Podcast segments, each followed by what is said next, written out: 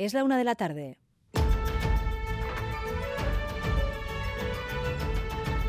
Crónica de Euskadi con María Cereceda.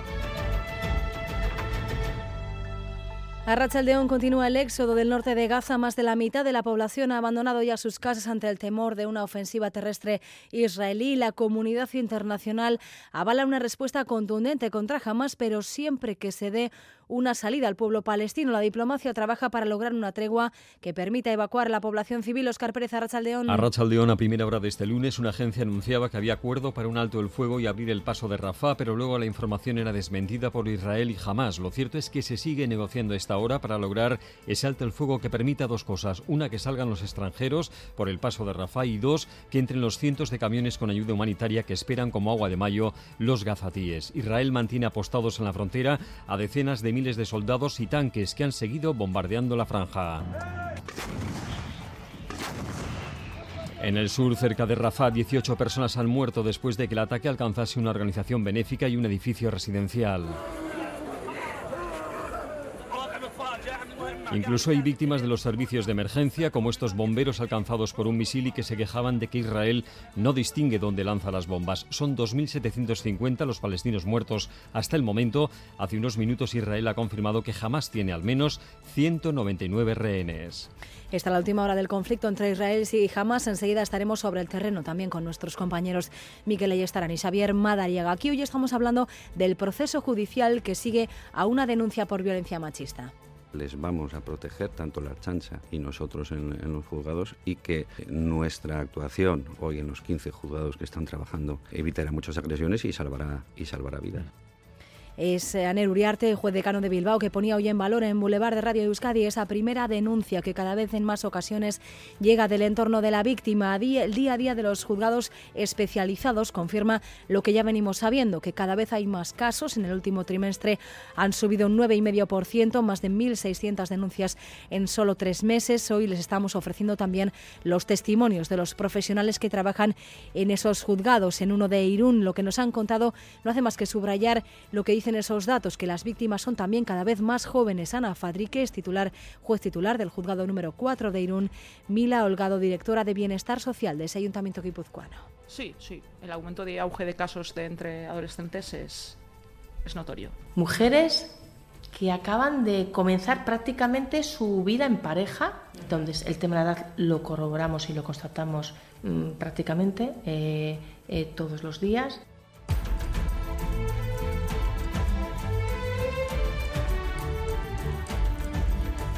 Y la economía vasca mantiene un crecimiento moderado, según el dato provisional que ha dado hoy el Eustat. En el tercer trimestre el, PIB acumula una mejora del 1,6%, una décima más que el anterior, aunque se nota que estamos en una desaceleración. Rodrigo Manero, Arrachaldeón. Sí, Arrachaldeón, el PIB de la comunidad autónoma crece un 1,6% si lo comparamos con el de hace un año. Una noticia positiva, porque con la que está cayendo en Europa y resto del mundo, seguimos creciendo y cumpliendo las previsiones. Pero esa mejora cada vez es más reducida. Según el Eustat, en el último trimestre la economía vasca ha crecido la mitad que los dos anteriores. Esta desaceleración no impide que el empleo siga fuerte y en los meses de verano los puestos de trabajo a tiempo completo han aumentado en Euskadi un 0,4%. En Japón, hoy cumbre industrial entre empresas vascas y japonesas. Entonces, esa visita oficial que está llevando a cabo allí el gobierno vasco, la industria vasca está generando un interés creciente en ese país, sobre todo en el sector energético. Muestra de ello la presencia hoy de grupos como como Mitsubishi,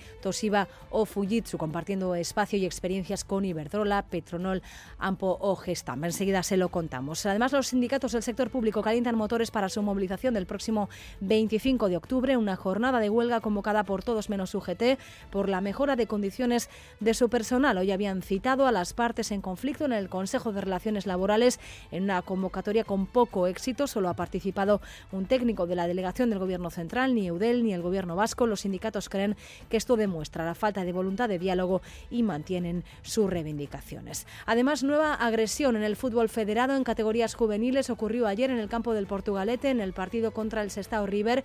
Una persona saltó de la grada y golpeó al entrenador del Sestao dejándole inconsciente, identificado ya por su entorno. Aún se está buscando a esa persona. Esto contaba la víctima en Boulevard. 25 años entrenando y es la primera vez que me, que me encuentro con esta situación en la cual pues no, no te la esperas nunca, la ves por la tele, ves que pasa y tal, que te crees que está un poco alejado, pero me ha tocado ver la, la cara, la cara fea del fútbol de, de esta manera y generando un poco de indefensión porque realmente no me no me lo esperaba. Y estamos pendientes de Sevilla, donde se investiga desde hace días la desaparición de un joven en la estación de tren de Santa Justa. Una desaparición en extrañas circunstancias. Se ha localizado a esta hora un cadáver. Se trata de comprobar ahora si puede corresponder al de esta persona.